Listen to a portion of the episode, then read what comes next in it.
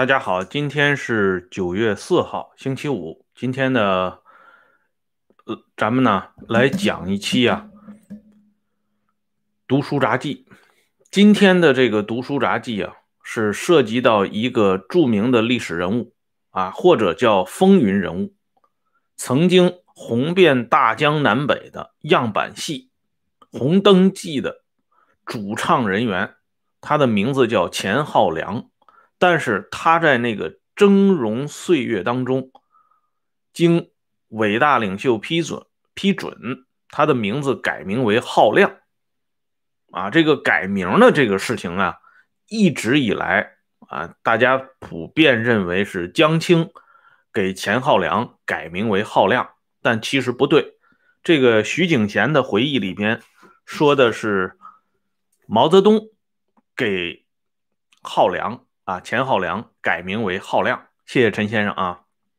所以按照徐景贤的这个回忆，应该是比较准确的，而且又查证了当时相关的啊资料，最终应该是毛泽东直接给钱浩良改名为浩亮。当时的过程是这样的：是毛泽东、江青、张春桥、姚文元、钱浩良。于会勇等人在场的时候，毛泽东接见钱浩良，然后说：“赵钱孙李，我姓过赵啊，我姓过赵，你姓钱，现在革命了，不要资产阶级法权了。”然后他指了指张春桥，春桥写过文章的，所以我看你也不要姓什么钱了，就叫浩亮吧。就这么一句话，把钱浩良的名字给改了。这在当时可以讲是荣宠一时啊，领袖给他改名字啊，这是一般人嘛，所以这浩亮这个名字在那个时候真的是啊非常之浩亮。这个人呢是在昨天上海发布消息说，这浩亮著名的京剧表演艺术家浩亮去世了。这个人呢，呃，活了八十六岁。他是一九三四年出生，他是江青生前封过的三大面首。大家知道什么叫面首？就是俗称的俗称的男妾啊。江青封的三大面首之一，也是这三大面首最后离开人世的。啊，关于这个江青封这三大面首，徐景贤。有过具体场景的回忆，这个故事呢，起因在哪里呢？起因在这里。我们都知道，一九七二年美国总统尼克松访华，当时为了啊彻底的把这个美国总统给忽悠住，所以呢，大家看今天的新闻纪录片里边搞的那种盛大的欢迎仪式啊，包括呢啊潜入到。这个冰冻三尺的这个海里边，给这个尼克松捞这个海鲜啊，以及种种的特殊的欢迎仪式，完全不像是在迎接一个帝国主义的头子啊，好像是迎接一个远道而来的共产主义阵营老朋友。这其中呢，有一个安排的重要的项目，是让尼克松看一下经历了文化大革命的风风雨雨之后的中国呢。变得更加强大，也变得更加好。这里边就有一个关键性的项目，因为外国人特别喜欢看这些文物古董，因为认为这是原生态，所以当时安排看这个文物展览。这个时候呢，国家文物局局长王野秋就立功了啊，因为他在引导这个尼克松看这些文物过程当中，受到来自最高当局的表扬。所以江青出面，专门约请国家文物局局长王野秋吃饭，作陪的是乔冠华和张涵之。这乔冠华和张涵之在这一次接见当中，这两个人也是出尽了风头，而且这两个人这个时候已经开始勾搭成奸了。哎，这个领袖呢，就是睁一眼闭一眼啊，就是也愿意这个他们俩就这么搞了。作陪的还有就是于会勇、刘庆堂和浩亮，这是江青专门点名让他们大家一起来的。在这个吃饭的过程当中，江青突然当着王野秋、乔冠华、张涵之这些外人，指着啊指着这个浩亮、刘庆堂和于慧勇这三个人说：“说大家看到了吧？这三个人就是外界啊一直传闻我的三个面首。如果说我有面首的话，就是他们三个。”哎，当时这个话传出来以后啊，徐景贤还特别感兴趣，因为他不知道什么叫面首。后来他专门查了一下，呃，相关资料啊，就查一下历史的资料。这是在这个《资治通鉴》以及这个南北朝、宋朝《宋书》里边都出现过的。啊，这他才知道，这面首合着就是指这面容姣好、头发漂亮。啊，代指呢这种年轻的啊男性，专门为这个女主人提供特殊服务的人，啊，俗称男妾。这徐景贤他们上海这帮人就开始在背后偷笑了，啊，说这哥仨怎么这个捞这么个角儿啊？这个名字呢不胫而走，由此就传出去了。江青说这个话呢，他是。某种意义上讲，他是自己给自己辟谣啊，因为当时外界呢传的一直很厉害，江青走到哪里，这于慧勇、刘庆堂、浩亮这三个人就跟膏药一样，就贴在哪里，所以外界就开始啊讽刺这个江青，说这江青啊搞这个男妾啊如何如何，生活作风败坏，当然这都是攻击江青的。江青不是没有面首啊，这个我在罗瑞卿的节目里边跟大家讲过，他和他的警卫员啊乱搞男女关系这个事情啊，已经经这个罗宇的呃之口已经证实了。但是这个时候的江青，七十年代的江青啊，一九七几年的江青，当时已经是文艺棋手了。另外这个时候江青身体整体上讲呢不是特别好，哎。再有一点，这哥仨啊，于慧勇、刘庆堂、浩亮，给他一百个胆子，他也不敢跟女主人发生横的关系。啊，这三个人平常伺候江青小心翼翼。比如说，江青另外一个著名的称呼“首长”，啊，我们看以前那些老的文革电影里边一说这“首长”，北京首长，请你接电话。啊，咱们就知道这指的就是江青。那么“首长”这个词啊，“ 首长”这个词本来是指这个官高一级的领导，他没有专指性。可是到了这哥仨口中，就是于慧勇、刘庆堂和浩亮口中，这“首长”就成了江青的唯一专有名词。啊，这哥仨到外边，凡是提到江青的时候，一概简称为“首长”。久而久之呢，大家也就跟着这三个人一起叫江青为首长。从这个小事上也可以看出，啊，这三个人对江青是多么的忠心耿耿。浩亮啊，如果论名气，咱们就专门讲这个舞台上的名气，他比后台指挥人员于慧勇和曾经以这个红色娘子军。走红的洪长青的扮演者刘庆堂要比他们俩名气大很多，而且这个人啊比较接地气啊。当年的这一句“临行喝妈一碗酒”，啊，让很多人啊记忆犹新。今天我的父辈这这一茬人，七十多岁的这茬人，到今天还会哼唱那些样板戏里的，特别是《红灯记》这个里边的这个一些片段，而且我的。同辈这个同学呀、朋友啊、亲戚当中，这个因为 受这个《红灯记》的影响啊，他们当中叫什么啊？这个女孩啊，起名叫什么铁梅啊啊之类，类似于这类的名字也是比比皆是。可见这一部样板戏啊，给中国人带来的影响究竟有多大？那个时候的浩量，真的啊，不次于今天这些活跃在这个。电影、电视剧舞台上的这些名角，像什么黄晓明之类的啊，真不次于这些人。走到哪里那都是万众簇拥啊啊！而且一般人你也靠不靠不到跟前去，因为那是大人物。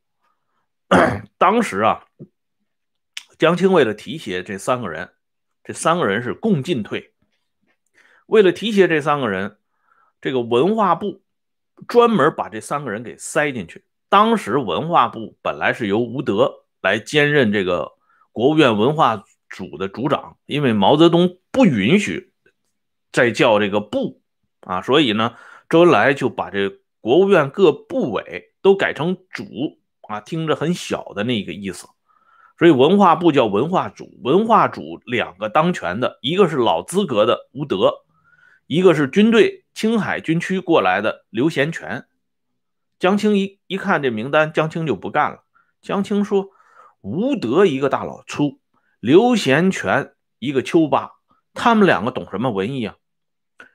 把于会勇他们调上来，到文化组工作。”江青就是一句话，那周恩来肯定照办，就把于会勇、刘庆堂和浩亮都调到这文化组里边。这。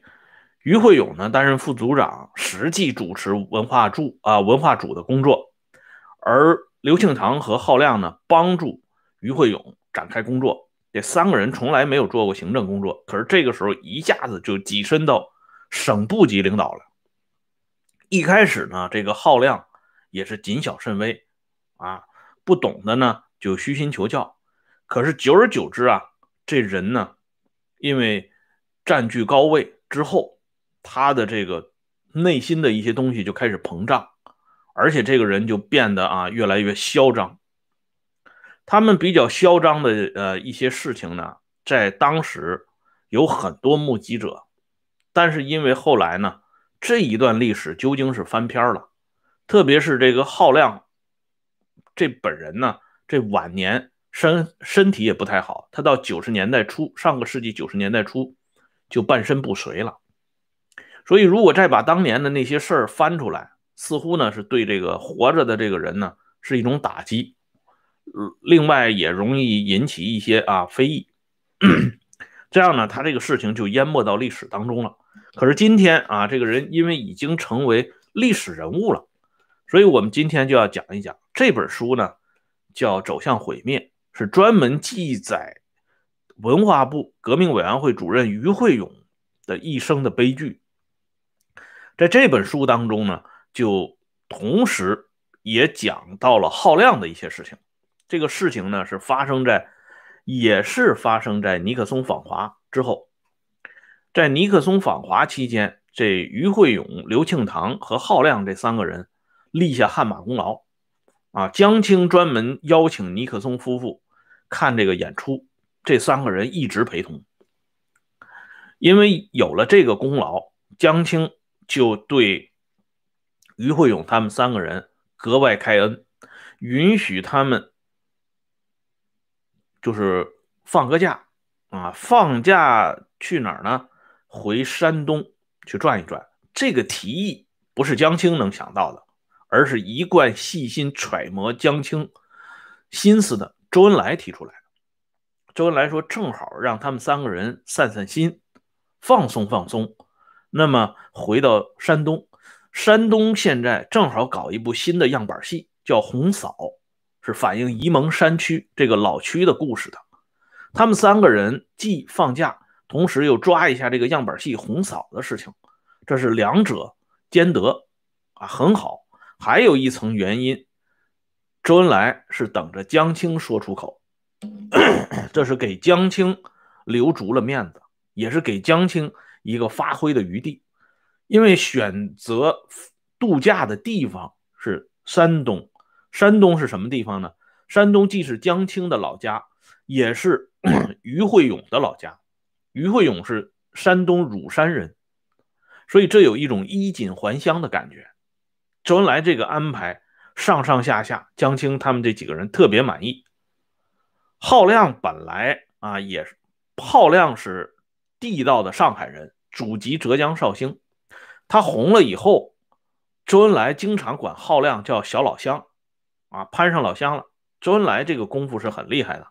浩亮这么一个出生在一九三四年的人，跟比他大啊三十六岁的周恩来，周恩来就是跟他称兄道弟，而且周恩来亲切的管浩亮叫小狗，因为他们俩正好差三轮。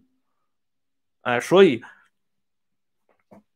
其实浩亮不是属啊，这个其实呢，这个浩亮呢，他是地道的上海人，他只不过是祖籍绍兴。但是周恩来呢，又是江苏淮安人，也只不过是啊祖籍绍兴，所以周恩来就因为这个跟浩亮论上老乡了，并且两个人都是属狗的。周恩来习惯管自己叫老狗，管浩亮呢叫小狗。类似的情节我给大家描述过，以前在与陈毅的夫人张倩、罗瑞卿的夫人郝志平之间，周恩来也开过这样的玩笑。这次呢，浩亮本来不想去啊，因为这是于于慧勇他们风风光光的事儿。后来他就想找个机会躲，嗯，周恩来就劝浩亮一起去看一看，啊，办事呢要合群儿啊，你不去就显得不好。浩亮一听，既然老狗发话了，那小狗就要乖乖的跟着去。去了以后啊，没想到这次啊，本来是挺高兴的一次度假放松的这个事事情，结果后来成了浩亮的一个罪状。这个罪状是谁？汇报的呢，就是当时八十年代开始，七十年代后期，八十年代初开始清算于会勇、刘庆堂和浩亮的所谓罪责的时候，已经进入解放军高层的杨得志上将揭发出来的。因为当时山东省革命委员会主任兼济南军区一把手就是杨得志。为了迎接这三位江青的面首，杨得。志挖空心思，自自己呢率着山东省革命委员会的全体领导班子成员和济南军区的主要领导，到车站隆重的欢迎这三个人，欢迎他们到山东检查工作，啊，然后领着先到济南，又到青岛，最后回到于会勇的老家乳山，整个这个事情折腾下来几十天。山东地界上欢迎的是无微不至啊，照顾的是无微不至。其中有一件事很有意思，很能说明当时浩亮的这种心态。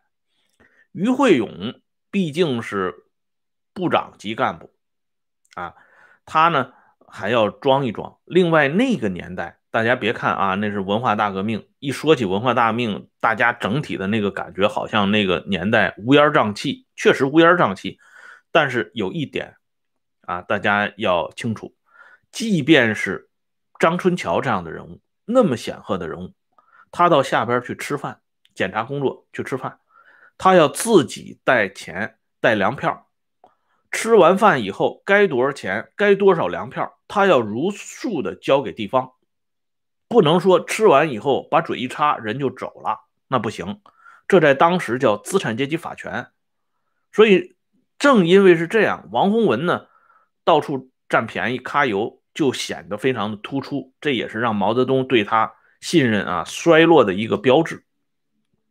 于会勇他们到山东的时候，山东地面招待的鸡鸭鱼肉就不说了啊，那些海鲜都是他们啊不是经常吃到的。所以于会勇那个时候有点踌躇，说我们这么吃，我身上带的钱和粮票肯定就不够了。这个时候，浩亮来了一句：“浩亮说，老于，你操什么心啊？这是你操心的事吗？山东肯定都安排好了，我们只管甩开腮帮子就吃就行了。”哎，这刘庆堂一听浩亮说，还是浩亮有眼光啊！就这样呢，他们三个人就是极尽享受之能事。后来果然在结账的时候。就是象征性的收了他们一点钱和粮票，就完事儿了。这说明呢，浩亮对这个事儿他有一个挺清醒的认识。接下来就有一幕戏就发生了。这个《红嫂》这部样板戏由这三个领导来审看。这杨得志啊，当时非常想让山东的这这部样板戏《红嫂》一炮打红，成为这个。中央推出给全国人民看的第九部样板戏，当时是八个样板戏嘛，所以人家杨得志啊，才这个逢迎拍马屁啊，就干这些事儿。这三个人如果稍微有点眼力见儿的话，他应该能够知道杨得志这么忙前忙后啊，不完全是为了这个巴结这三位。可是这三个人啊，居然认真起来了啊！他们对官场的这套习俗啊，应该说掌握的还不够。这属于这个新贵啊，不了解规矩，结果把这个红嫂这部戏呢给批个乱七八糟。尤其是浩亮，浩亮说话更得罪人，他管杨得志不叫杨司令员，也不叫杨主任，一口一个老杨啊！这种小人得志的这种状态，让山东地方很看不过去。而且浩亮当时给于慧勇和刘庆堂扎针儿。说老杨啊，把这个红嫂这部戏吹的是天花乱坠，天花乱坠，天天请我们看这东西，这个东西编的不怎么样嘛。这于慧勇也是深有同感，于是呢，这部戏被这三个人给定性了，不行，这杨得志的脸上就不好看了。但是毕竟这三个人是江青的亲信，杨得志不敢得罪啊，因为杨得志。在这个林彪事件里边，他是有案底的，哎，所以呢，他也不敢多说什么。接下来又发生了一件事情，就让山东地面对这三个人啊进一步的看清楚了。当时有一个长山要塞啊，这是在岛上，这个岛中有岛，还有一个小绿岛。这个小绿岛呢是军事基地，外人不得进入。没有中央军委的命令，没有济南军区的命令，闲杂人等一律不得接近这个小岛。可是于会勇他们呢，在参观的时候就坚决要求上这个小岛看。其中最坚决的就是浩亮。浩亮当时有一句名言：“原子弹我们都能看，何况这么个小破岛？为什么不让我们看？拿我们当谁了？我们是无产。”无产阶级司令部的人，啊，这是出现在这本于会勇传记的书中的记载啊，不是咱们自己瞎编的。谢谢李先生啊。那么这驻军呢就感到为难，然后一级一级请示，请示到杨得志。杨得志一看，这马上报中央军委，其实呢就是报到毛泽东那里。那回复不准看，谁来也不准给看。所以这三个人呢就没看上，啊，一路上呢气哼哼的就回来了。更主要的是他们在参观过程当中啊表现出来的那那种啊状态，更让这个驻军呢看清他们，就是秒这个非常轻蔑。这三个人受不了这个呃旅途的这种劳顿啊舟车劳顿，因为上军舰嘛，这耗亮就晕船，吐的一塌糊涂不说呢。人家出来啊，这个战士、干部战士排队欢迎他们，列队欢迎，鼓掌。他们连一个基本的礼貌都没有啊，因为他们身体不舒服嘛。然后就表现出咱那种伪钝的状态，让大家对这三个人是刮目相看。所以那个时候，这个有个流行的这个呃，就是一个流行的段子，就讽刺这三个人。其中说这个浩亮，台上是李玉和，台下是鸠山。啊，就把这浩亮说的如此不堪，哎，然后说刘庆堂台上红长青，台下是妖精啊，都是骂人的。这三个人回到北京以后，这江青生气了，因为江青拿到汇报了，江青把这三个人给批了一顿，说你们也太文人无形了啊！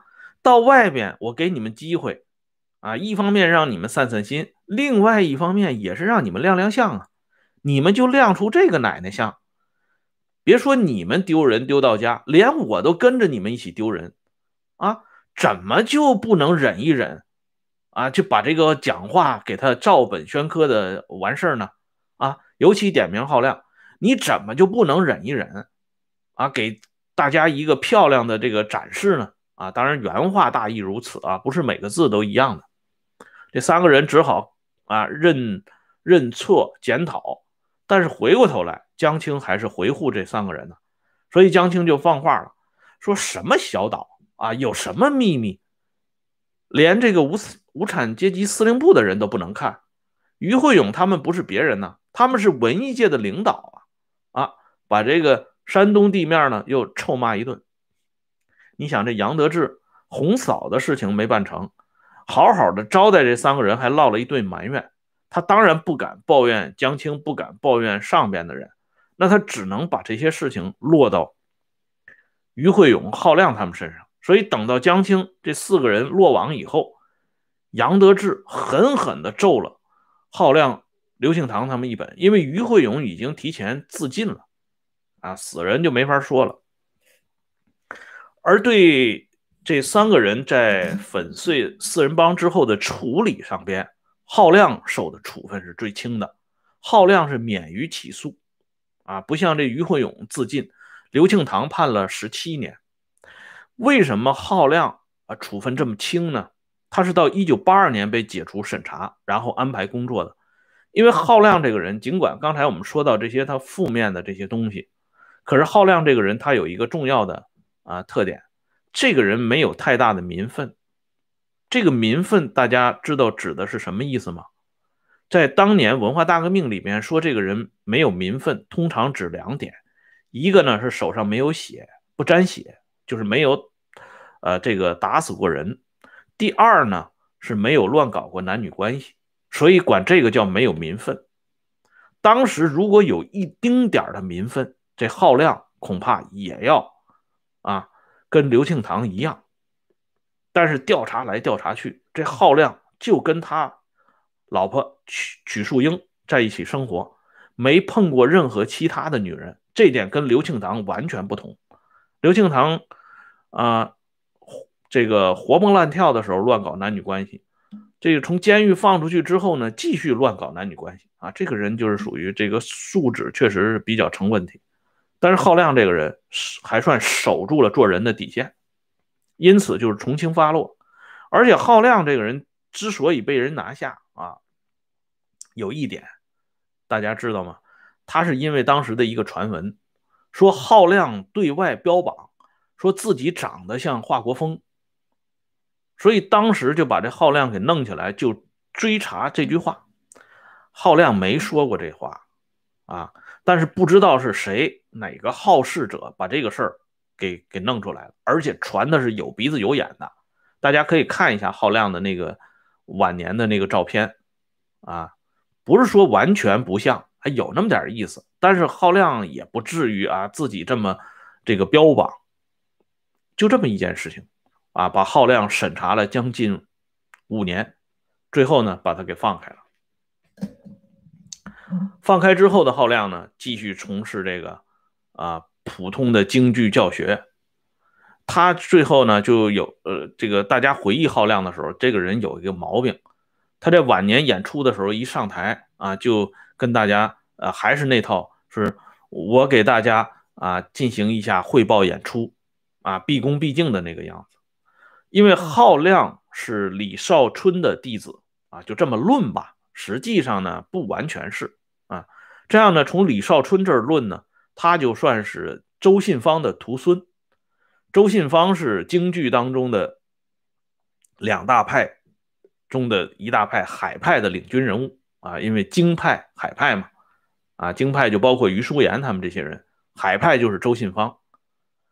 这样呢，就引起咱们对京剧的一点小话题。我给大家看一眼这个啊，这是我收藏的，一九九零年《吉林日报》出版的《文摘寻刊》，这是老杂志了，距今天已经是呃三十年了。